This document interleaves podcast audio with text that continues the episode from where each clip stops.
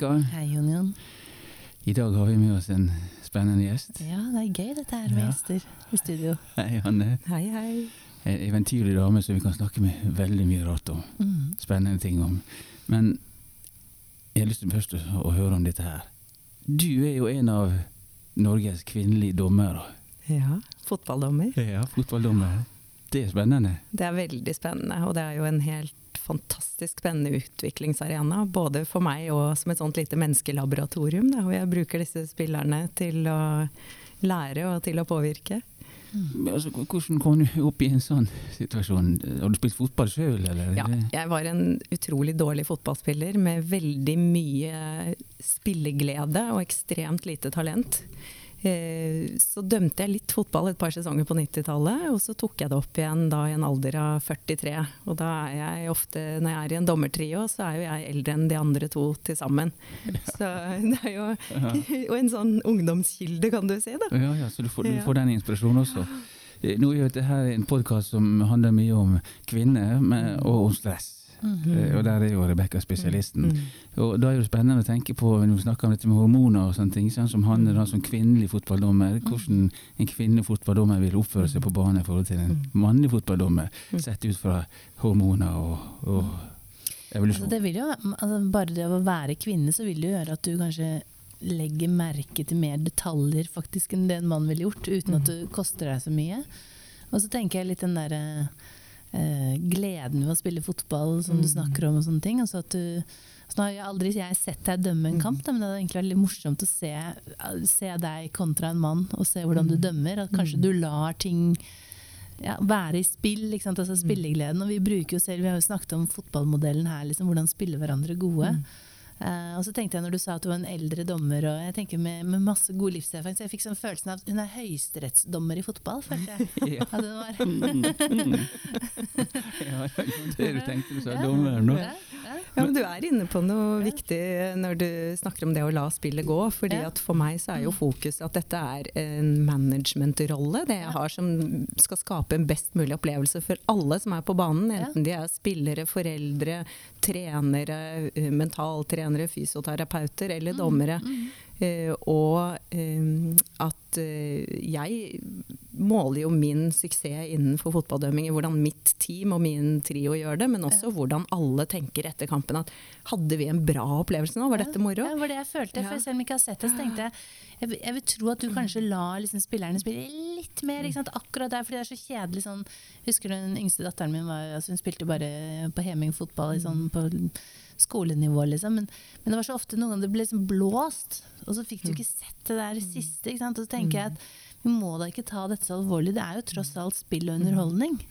Eh, Ja, så er det jo ikke om å gjøre for dommeren å bestemme. Det er jo ikke det som er målsettingen. Vi vil jo helst være usynlige. Ja, for noen ganger så føler man jo at en dommer er litt partisk og sånn, men jeg føler at du er sånn jeg, føler at det å gå og se hennes fotballkamper ville vært mer morsomt for oss enn Ja. en hvis alt er sånn superstrikt hele Men jeg tror nok eh, alle føler at dommeren er urettferdig mot sitt lag alltid, i alle kamper. Og det er jo en del av passion i fotball. Ja. Og det skal vi ikke drepe. Nei, Det må da jo må du lov. takle ganske mye stress, da, Ja, men så- så lenge-. Så lenge de viser respekt for spillet, Ja. og at hvis de går fysisk inn, at de faktisk prøver å ta ballen og ikke ta livet av den spilleren de går inn i, så skal de få lov til å leke og ha det moro og gjøre mye. Ja, men jeg tenker sånn foreldre sånn Mm. som da sier 'å, nå dømte du ungen min', altså, er det, er det, opplever du at mange er sure mot deg?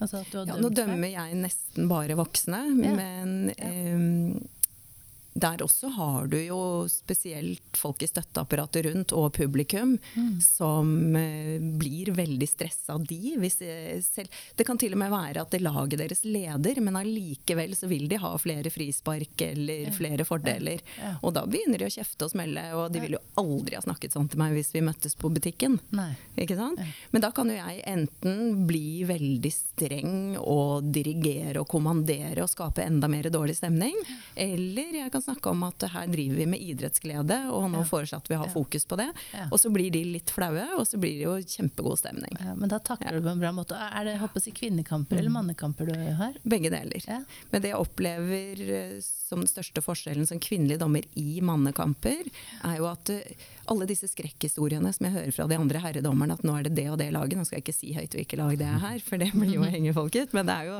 noen lag som er kjent for å kjefte mye og oppføre seg dårlig. Eh, når jeg dømmer dem, så er det stort sett alltid god stemning. Ja. Og eh, jeg tror det både handler om det at det er uvant for dem å ha en kvinnelig dommer, og at Ja. de helt naturlig tenker at ok, nå er jeg bare nødt til å behandle dommeren med litt respekt. Men så tror jeg like mye det handler om at jeg er en moden kvinne. Mm. Jeg er ikke en 17 år gammel jente eller en 23 år gammel mann. Så du viser litt kvinnekraft i, på bane. Jeg tenker, sånn, tenker dette her, eh, Oppfølgeren til Heimebane bør være liksom Hanne i dommerkamp, tenker jeg. Jeg er veldig irritert over de dommerne i den serien der, for de er ikke eliteseriedommere, for å si det sånn. så jeg har jo litt sånn yrkesstolthet òg, ikke sant? Ja. Men, men, men, men, men der er vel ikke kvinnelige dommere i, i Eliteserien? Det er det ikke per i dag. Da bør, har, da eh, bør vi få inn det, Jon Jon. Ja, I? Bundesliga har du en kvinnelig dommer som heter Bibiana. Hun Det er jo en skam at ikke vi har det i Norge. har vi, du sier jo til og med at du faktisk eh, klarer å få spillerne til å ha litt mer godfølelse, fordi du blir ikke bare sint på dem. Ja, ja. Ja, men det er eh, Fotballdømming er toppidrett. Ja. Eh, fysiske formen til fotballdommere er på et ekstremt høyt toppidrettsnivå. Ja, for du må løpe da- hele tiden du også. Ja, og samtidig jobbe både mentalt og med oppgavene du skal løse. Og det er klart Når du har prosentvis ekstremt mange flere mannlige dommere enn kvinnelige dommere, og man skal benchmarkes mot den samme formen, så er det jo naturlig at det er flere mannlige dommere som når til toppnivå innen herrefotballen. Og det har ikke noe med diskriminering å gjøre. Jeg opplever tvert imot i dommermiljøet i Norge at kvinnene får god støtte og utviklingsmuligheter. Eller i hvert fall spesielt i Oslo Ja. Som er den kretsen jeg hører til, hvor vi er mange kvinner. Eller i hvert fall mange jenter og et par-tre kvinner. ja. Men eh, reagerer eh, kvinner og menn på tribunene annerledes? Merker du at det er Nei. eh, forskjellige reaksjoner? Nei, det tror jeg jeg oppfører seg akkurat likt, enten man er kvinne eller mann som dommer. Men eh, det går en veldig fin sånn liten vandrehistorie nå i sosiale medier, hvor det står to foreldre langs linjen på en barnekamp, og så spør den ene den andre ja, eh, fortell meg hvem som er din sønn, for nå skal jeg fortelle han at han har eh, vært elendig hele kampen. Nei, men all verden, det kan du ikke gjøre, sier den andre forelderen. Jo, det kan jeg, for det har jo du gjort mot mitt barn hele, hele denne kampen. Ja, hvem er det som er din sønn da? Jo, det er dommeren. Ja. Ikke sant?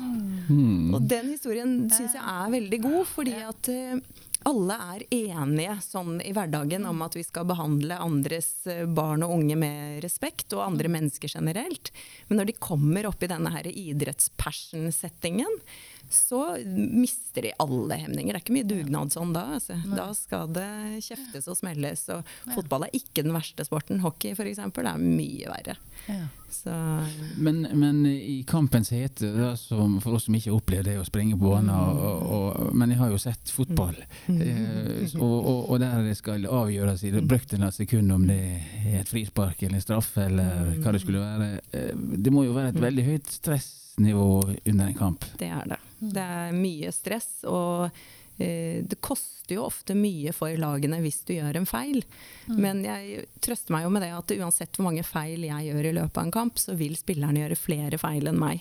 Mm. Ikke sant? Det, det finner du trøst i. Uh, jo, men ikke sant? det, er sånn der, det er menneskelig å feile. På en måte. Det, er, det er litt takhøyde for at Altså, hvis, hvis man ikke tør å feile i en sånn setting, så kommer du til å gjøre en dårlig jobb. mm, Fordi at da kommer du til å bli feig. Ja, Og er du feig som dommer, da blir du en dårlig dommer. ja. Så du må tørre å, gjøre feil, men så må du også tørre å innrømme de feilene du gjør. Mm. ja, hva skjer hvis man etterpå ser, hvis dette blir filmet, at man ser at du har gjort en feil? Hva skjer Altså, egentlig? hvis du gjør en feil og oppdager feilen din før du setter i gang spillet igjen, så kan du ombestemme deg så mange ganger du vil. Men har du først satt i gang spillet, så er det gjort. Da må man bare si, ja, legge det bak seg og tenke fremover. og Da gjør man ikke om på avgjørelsen. Ja.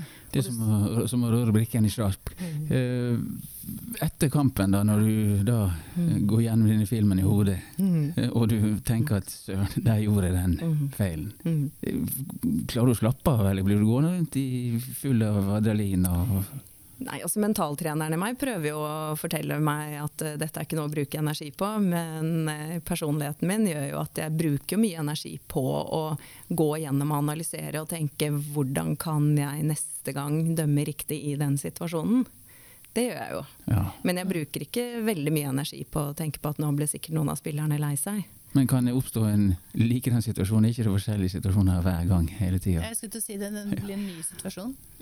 Ja, men eh, jeg prøver jo å tenke hvorfor gjorde jeg den feilen? Var det fordi plasseringen min på banen ikke var optimal? Burde jeg hatt en bedre vinkel? Var det samarbeidet med assistentdommerne? Mm. Eh, hadde jeg riktig fokus? Mm. Tenkte jeg på noe annet enn det jeg burde tenke på? Ja, for er det, hvis du som på en måte hoveddommer, hvis du, Mm. hvis du ser noe, så, så spør du de to andre er dere enige at det var sånn, og så er det på en måte en felles avgjørelse? Er det det Ja, der? vi er jo et team, og Ja. det er jo det som gjør det spesielt morsomt. Jeg har aldri tenkt på at morsomt. dommere er et team. Ja. Nei, ikke noe. jeg tenkte plutselig den fotballmodellen vår, vi har jo søren meg ikke dommeren med, vi må putte inn dommeren. Ja. Ja, du har liksom det hvite laget, det blå laget og det svarte laget. ja, ja det er Og det er jo det som gjør det moro å være dommer òg. Du begynner jo selvfølgelig med aldersbestemt fotball hvor du er helt alene, og det er jo det som er så absurd i forhold til å være unge dommere. Da. At uh, jo yngre og mer uerfaren du er, jo mer alene er du ute på banen der. Så blir man, når man er tre, da, da er du som jeg sier, da er du sånn høyesterettsdommer. Ja, eller Er på høyt nivå. mellomsterettsdommer. Ja. Men jeg tenker sånn i assosiasjon, hvis man skal ha metafor, da, for vi, vi bruker jo en fotballmodell litt sånn til å fortelle hvordan man kan spille hverandre gode, så blir jo på en måte dommerne nesten sånn som eh, styret i en bedrift. Ja, og da må du også tåle Ja, som både skal analysere og se det og, og sånne ting. Og det er som du sier at det du sa i sted, var at du bryr deg ikke så mye om at de andre blir triste, men du bryr deg om hva du kan gjøre selv for å være bedre. Og det tenker jeg er en veldig god sånn innfallsvinkel i forhold til å bli en bedre dommer, da. Og hvis du selv er bedre da i neste kamp, så gir du også spillerne og støtteapparatet og publikum en bedre opplevelse. Ja. Og da mestrer man jo. Da føler man at du har hatt en god dag på jobben. Men er det noen som kommer og sier 'bra jobb'? Liksom? Altså, er, ofte så heier man jo på den som skjøt mål og sånne ting, altså, og det er han som får overskrifter. Hvordan, hvordan blir en dommer egentlig sett? Du får, altså Etter eh, kampen så skal jo alle takke for kampen. Man skal også takke dommeren for kampen, både spilleren og støtteapparatet. De som er utrolig sure da, de går bare rett på benken, mens de som er fornøyde, de kommer og takker for kampen. Og da får du ofte eh, både ros og gode tilbakemeldinger.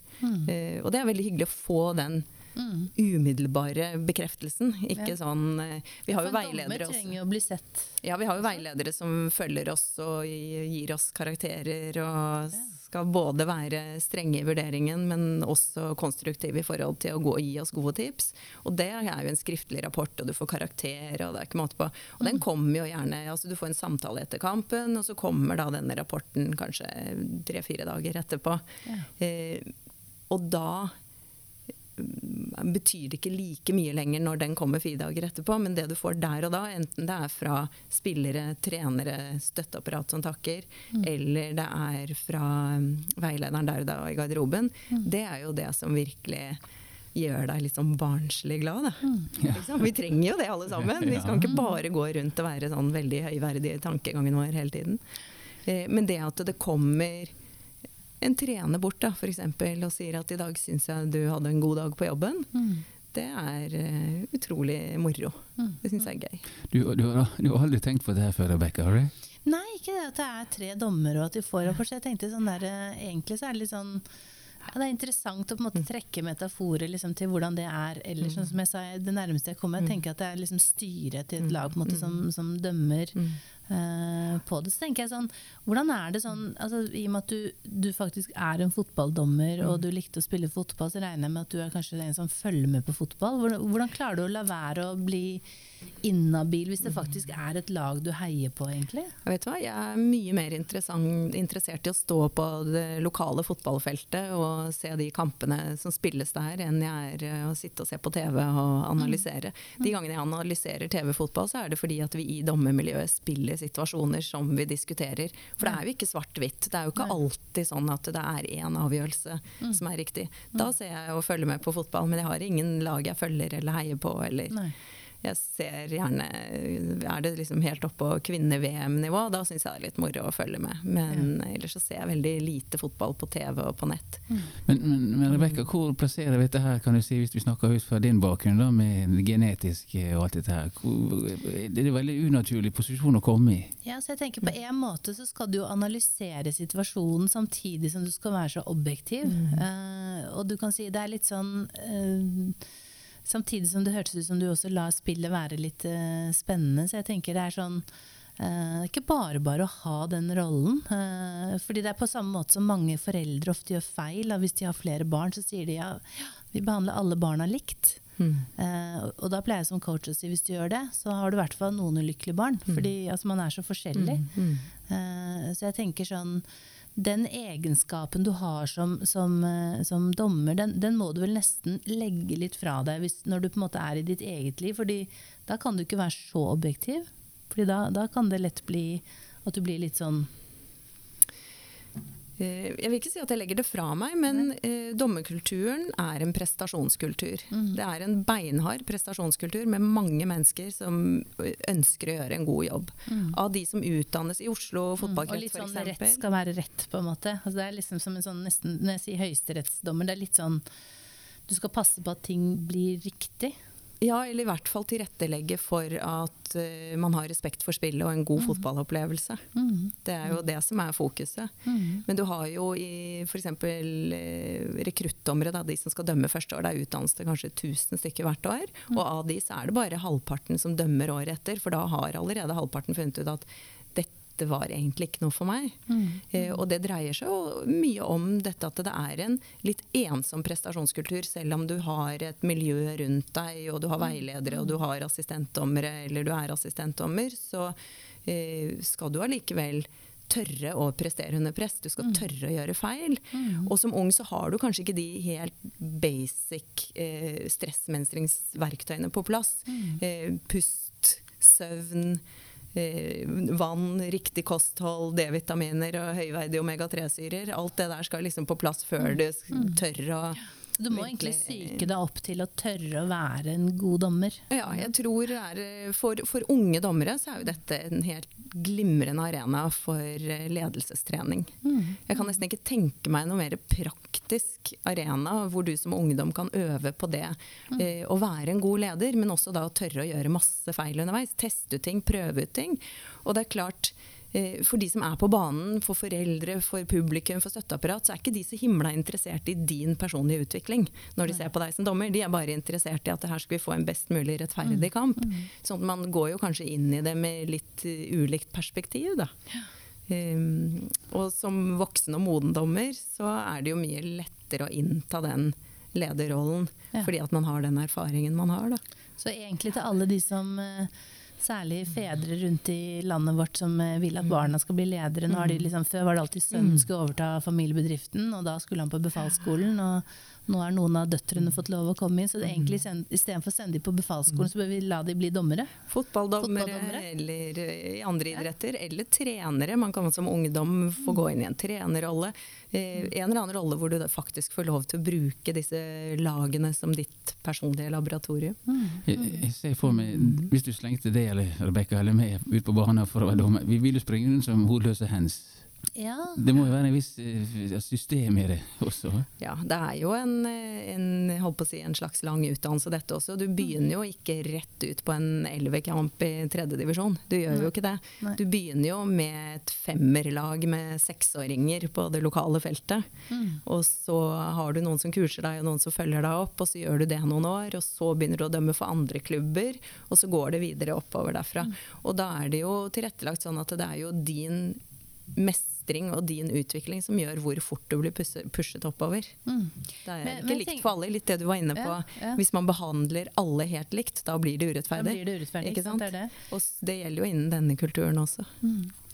Men jeg tenker litt sånn, Man pleier ofte å si at for å være den som skyter mål, eller man er den som altså Ofte når jeg jobber med klienter og lag som er Eh, så sier man ofte at målvakten må ha en egen kvalitet, for du må være litt gæren og du må tåle trøkket. At hvis du slipper inn en ball Hvordan vil du karakterisere liksom at hvis, hvis jeg som eh, leder skulle ansatt en som hadde den erfaringen, hvordan vil du si at kan man si at de som tør å bli fotballdommere, har liksom, en e viss egenskap?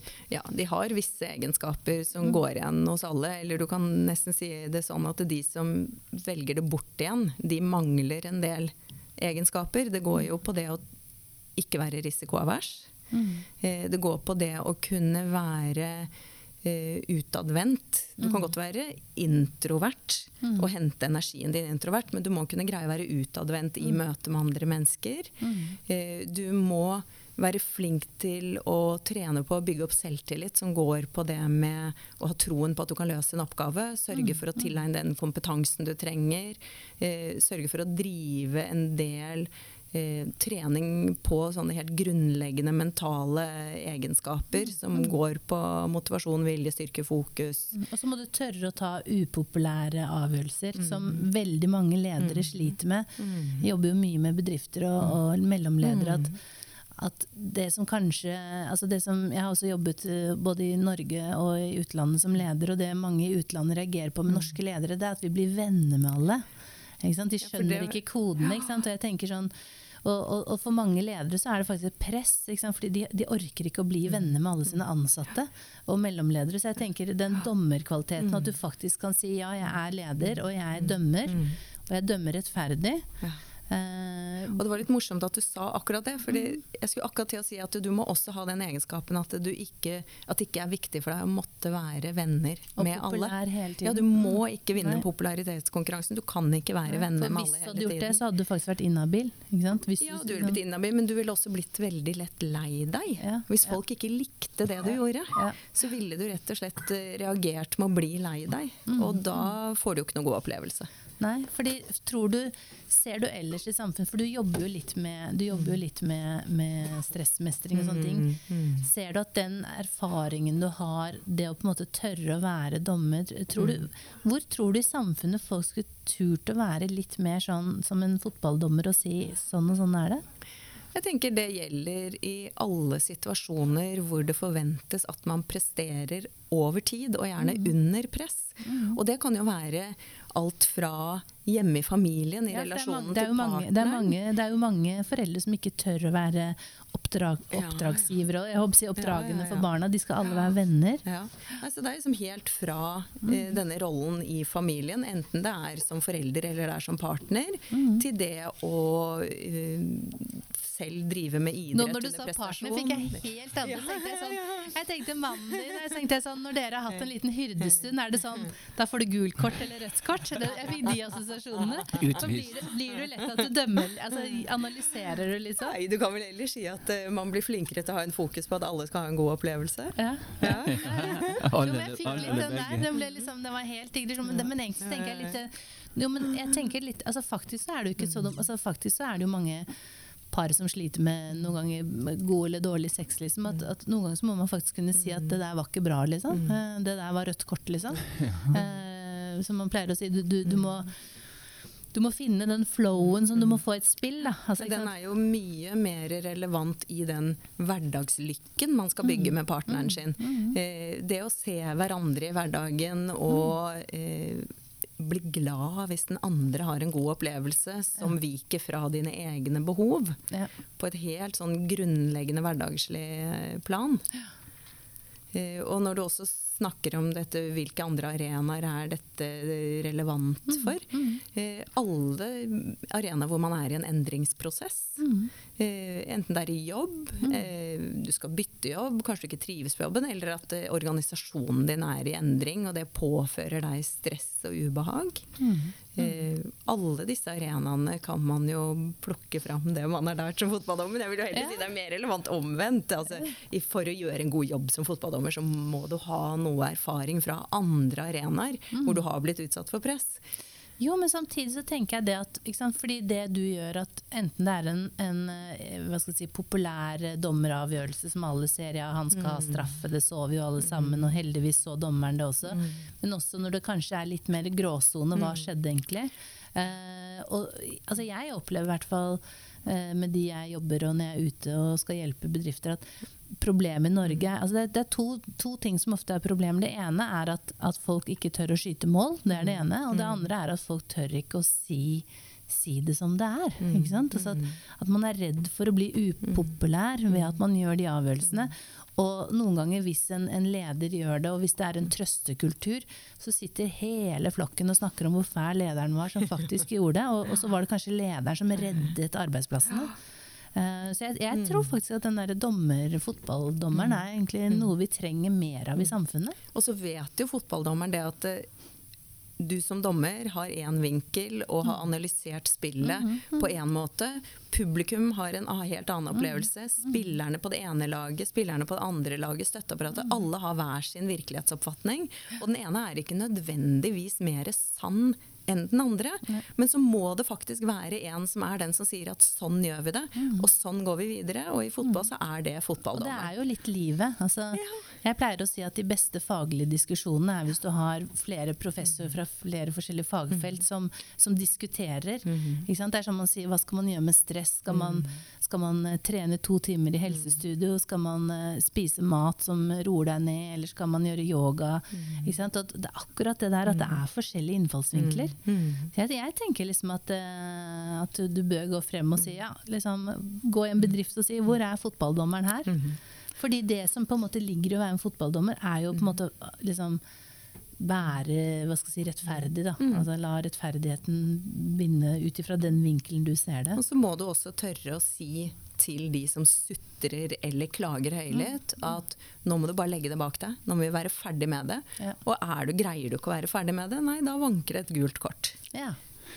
Bare si det at eh, Du er jo ikke bare fotballdommer, du er jo så mye annet rart. Men, eh, mm. og du vet det ikke, Rebekka, men du har jo også gått i isødet alene kun med deg sjøl? Nei, ikke alene. Nei, Men i ditt eget hode? Ja, det er sånn. sant. Jeg gått, uh, når jeg tenker på det, Vi er opptatt av dette med kvinnekraft. Jeg har gått i isødet to ganger, men det har alltid vært kun med menn. Så ja, du kan ja, si jeg er, alene. Men det er jo ekte kvinnekraft. Det er jo mye lurere. Definitivt alene i mitt kvinnehode. Og når du går i isødet og det blåser og du trekker 120 kg i oppoverbakke, så har du veldig fokus på deg og ditt og de oppgavene hvor, du må løse. Hvor i isødet er det du har beveget deg? Både krysset Grønland og jeg har gått til Sydpolen. Oi, oi. Ja, så det var det som var eventyrlig dame vi har med oss i dag. Mm. Trekker du noen paralleller til disse to tingene? Bakgrunnen fra å gå da i isødet til å stå på baner osv. Hvordan kobler disse tingene seg sammen? Du kan jo si Egentlig så er det omtrent så langt fra hverandre som det kan komme. fordi at det ene dreier seg jo i stor grad om overlevelse, og det kan man jo strengt tatt ikke si at en fotballkamp gjør. Men eh, det jeg har lært gjennom mine ekspedisjoner, det bruker jeg på absolutt alle andre arenaer i livet. Mm. Og jeg går jo rundt og ler litt for meg selv, for jeg føler at jeg har jo da fått en del verktøy i gave gjennom den jobben og de opplevelsene som jeg bare kan koble på der hvor det trengs i mm. hverdagen når som helst. Men når du har vært på disse ekspedisjonene mm. og, og, med bare menn, mm. er det sånn, diskuterer man når man skal ta pausen, og så kommer du med dine dommeranalyserere og sier at her er det gult kort eller rødt kort? Altså, er det én ting som er viktig på den type ekspedisjoner, så er det mm. gode rutiner og planlagte rutiner. Det er ingen som lurer på når vi skal ta pause. Det går på sekundene. Du har en klokke, og den piper når du skal ta pause. Men det er litt sånn dommeren da, som passer ja. på tiden? Ja, men det er ikke noe tilleggstid nei. på ekspedisjon. Nei, nei. Det er det jo i de kampen. Ja, ja. Enten det har vært skader, eller noen har halt ut tiden, eller det har vært innbytter, eller hva det har vært. Det er det ikke på en ekspedisjon. Det er det ikke på en ekspedisjon. Så, det, uh, Så du bruker ekspedisjonen til å bli en mm. bedre fotballdommer? Det gjør jeg, men det gjør jeg jo mest i forhold til både det i samspill med mennesker under press, Mm. For når man går på en ekspedisjon, og alle er helt på felgen i forhold til næring, i forhold til energi Du må gå og bygge både viljestyrke og motivasjon under press over tid, når de lagrene egentlig er slitt helt ned, mm. eh, så må du gå og, og, bygge opp de mentale ferdighetene dine.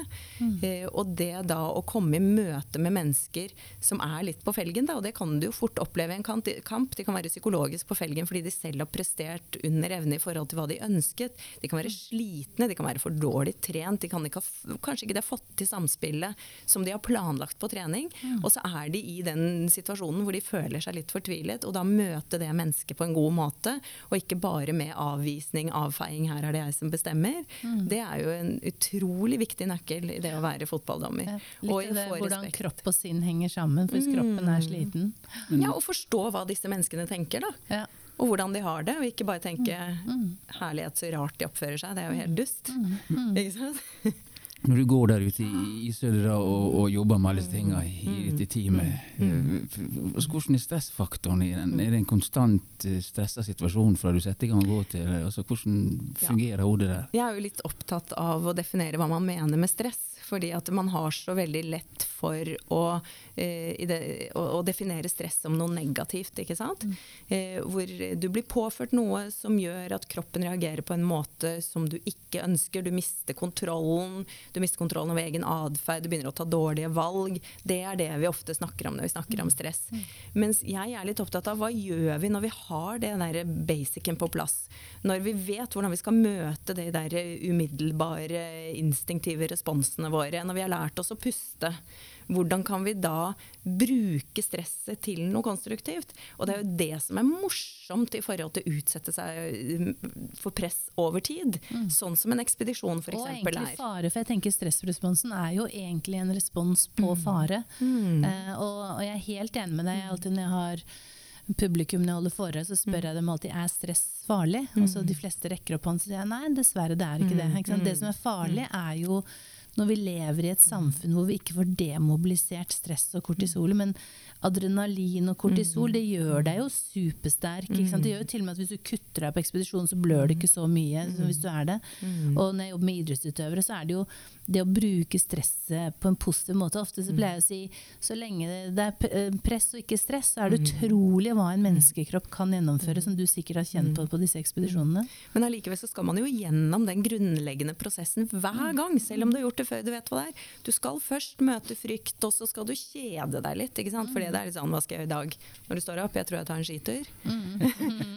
det er ingen som kan komme. Du kan ikke bare si nei, i dag blir jeg liggende. Hvor lenge varer disse ekspedisjonene? Nei, altså, sånn som å gå til Sydpolen, da brukte vi 38 dager. Da hadde vi mat for 42 dager, for sikkerhets skyld. Ja. Eh, men vi visste ikke om vi skulle bruke 60. Nei. ikke sant? Eh, så du vet at du kan ikke ta en hviledag hvis du er litt eh, dårlig humør den dagen. Og eh, vi var fem stykker. Noen hadde gode dager, noen hadde dårlige dager. Mm. Altså, du visste at du måtte stå opp, og du måtte gå på den skituren. Mm. Og så måtte du gjennom hele den prosessen, både med fortvilelse og med å kjede deg, og med å få vondt og kjenne på gnagsårene, eh, og alt, frostskader og vondt i kroppen overalt. Og så når du på en måte hadde anerkjent at ja, dette her er min nye hverdag. Og når du hadde fortalt denne lille reptilhjernen din at dette er normalen, dette er ikke farlig, det er sånn det skal være, mm.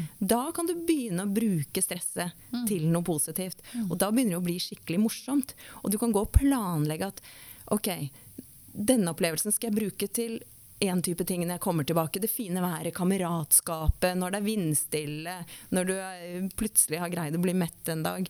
Mens de der forferdelig vonde gnagsårene og eh, det dårlige været og han som var sur den dagen og slang dritt til deg og alt dette, det skal jeg bruke til noe helt annet. Mm. Og så kan du begynne å leke deg med det underveis. Mm. Jeg hadde jo med meg lydbok, det tok jo syv dager, og så orket jeg jo ikke høre på den mer. Det ble jo bare slitsomt.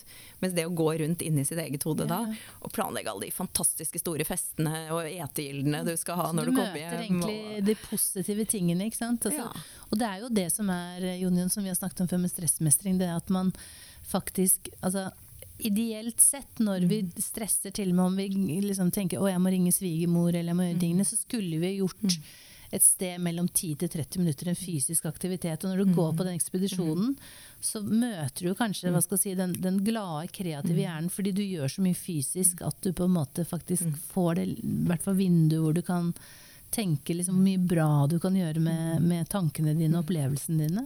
Og så blir det jo sånn at når du er ferdig med å kjede deg, mm. og du har anerkjent at dette er den nye normalen, så blir jo disse rutinene bestevennen din. Det ja. er jo så deilig å ha konkrete oppgaver som skal løses hver eneste dag. Ja. Og da kan man gjøre nettopp det som du sier der. Da kan man koble seg på den kreative, den kreative hjernen. Mm. Eh, fordi oppgaven du skal løse er så utrolig enkle. Du har en innboks og en utboks hver dag.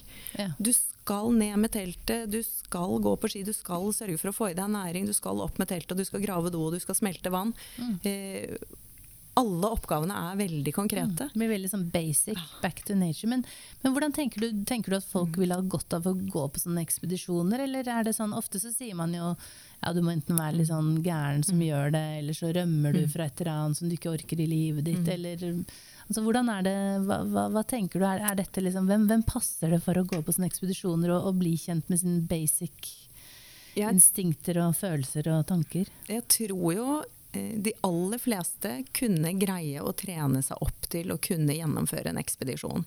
Mm. Men du må ha lyst.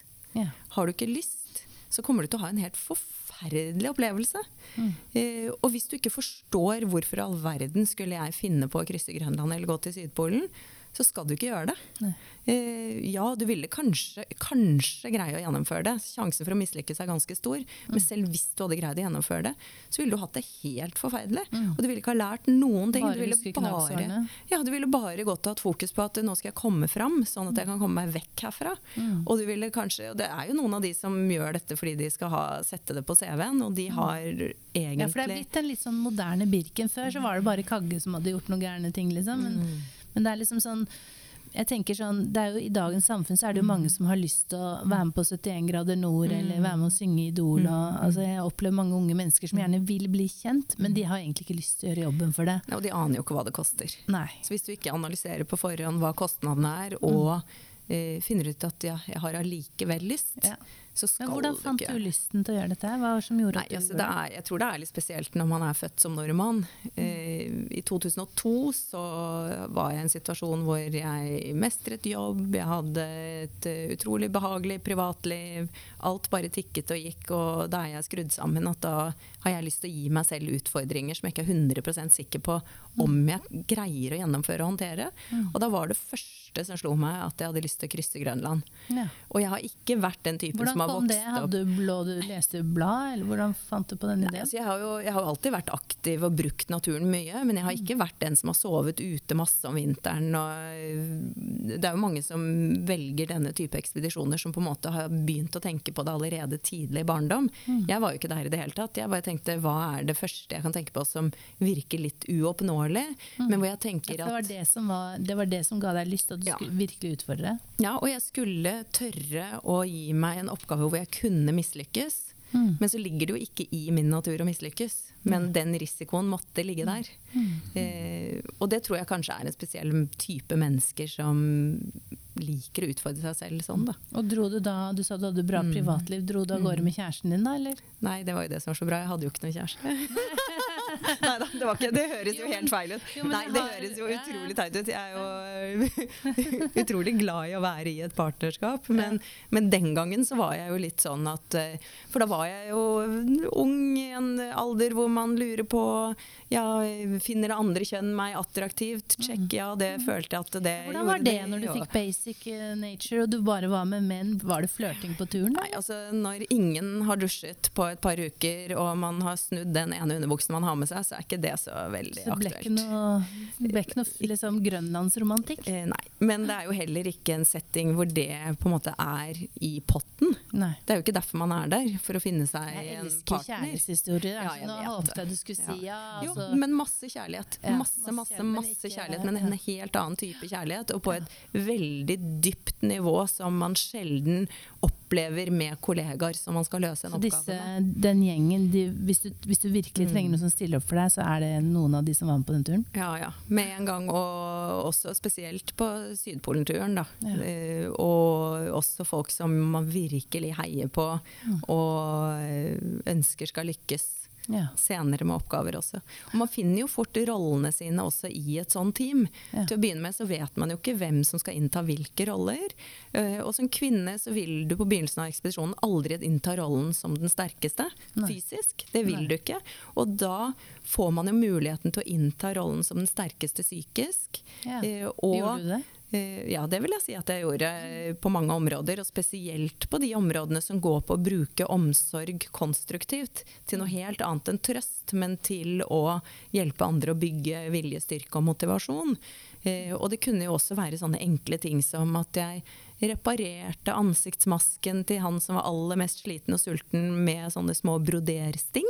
Ja. Sånn. Hvor han bare følte at oi, der Så gjorde hun sånn noe kvinnelig ekstra. lederskap på en, på en måte som faktisk var bra for teamet. Ja, jeg føler det. Og samtidig da det som skjedde dagen etter, hvis jeg ble hengende litt etter fordi at eh, jeg slet litt mer eh, med den tunge pulken enn de andre, så kommer den samme personen bort til pulken min og bare tar noe av min vekt uten å diskutere, uten å spørre, for jeg ville jo selvfølgelig sagt nei. Det skal du ikke gjøre, for jeg skal trekke selv, gjøre selv, greie selv. Men bare tar et tau eller en sovepose eller et eller annet, putter i sin egen pulk, og så smiler man til hverandre, og så er det, det er kjærlighet, vet du. Ja, Ja, det er det. Jeg tenker liksom, Vi hadde jo en annen gjest her, Jonny, hvor vi snakket om det der, eh, at man skal tørre å snakke om at menn og kvinner er forskjellige, men, men faktisk i dette tilfellet så bidro dere til noe bra. Altså, vi, kan, vi, kan, vi kan løfte så mye vekter vi vil, men altså, gjennomsnitt så er menn sterkere enn oss. Men samtidig så bidro du med noe, kall det feminint, men som likevel som gjorde at det ble litt godfølelse i teamet. Ja, men vi måtte gjennom vondfølelsen først. Vi hadde en dag hvor eh, to av gutta bestemte seg for å se om de kunne knekke meg. Og. Og kjørte på uten tanke for at eh, hvis de knekker meg, så ødelegger de hele ekspedisjonen og vi må bli reddet ut. Ja. Men den opplevelsen kunne jo vi bruke til masse etterpå, og det ble jo skikkelig morsomt å bruke den senere. Ja. Eh, når alle hadde kommet over de der primale fryktene sine og kunne jobbe konstruktivt sammen. Så man skal ikke tulle med denne dama her, Nei, hun skal ikke det. det Som er så innmari gøy, det er jo at vi kvinner vi gir jo ikke fra oss fettet vårt så lett. Nei. Så når gutta hadde brent 14 kilo muskler, og jeg fremdeles var på Ah. plussvekt, så kunne jeg gå og plukke soveposer og isøkser og hva det skulle være av deres Ja, vekt. da snakker vi om det virkelig lurt. sterke kjønn her. Kvinnekraft. Fantastisk. Det. Jeg blir helt ydmyk. Eh, vi har jo lært fantastiske ting Ja. i denne Ja, podkasten Nå har vi lært om eh, fotballdommere. Ja, og tur til eh, Sydpolen. Ja. Mm, Fantastisk, Hanne. Tusen takk for at du er her, bare hyggelig. og at du har vært med oss og fortalt om alt dette her. Det er spennende. Vi må ta det opp videre også. ja, takk. Det var veldig gøy. Ja, takk til deg, Rebekka. Også hvis jeg kan få lov å si en sånn siste liten Ja, Det skal du få lov til. Man må ikke være så himla redd for å feile og drite seg ut. Nei. Man må gjøre som Per Fugli og mange andre har sagt, man må gi litt mer F. Spesielt hvis man er ung, Ja, for da opplever man mye mestring og mye moro. Det tar vi med oss. det gjør vi. Takk til dere der ute som har hørt på oss. Og vil bare minne om at det ligger mange andre spennende podkaster med både med gjester og med det og meg alene i studio. På både her og der. Takk for i dag. Ha det godt. så det.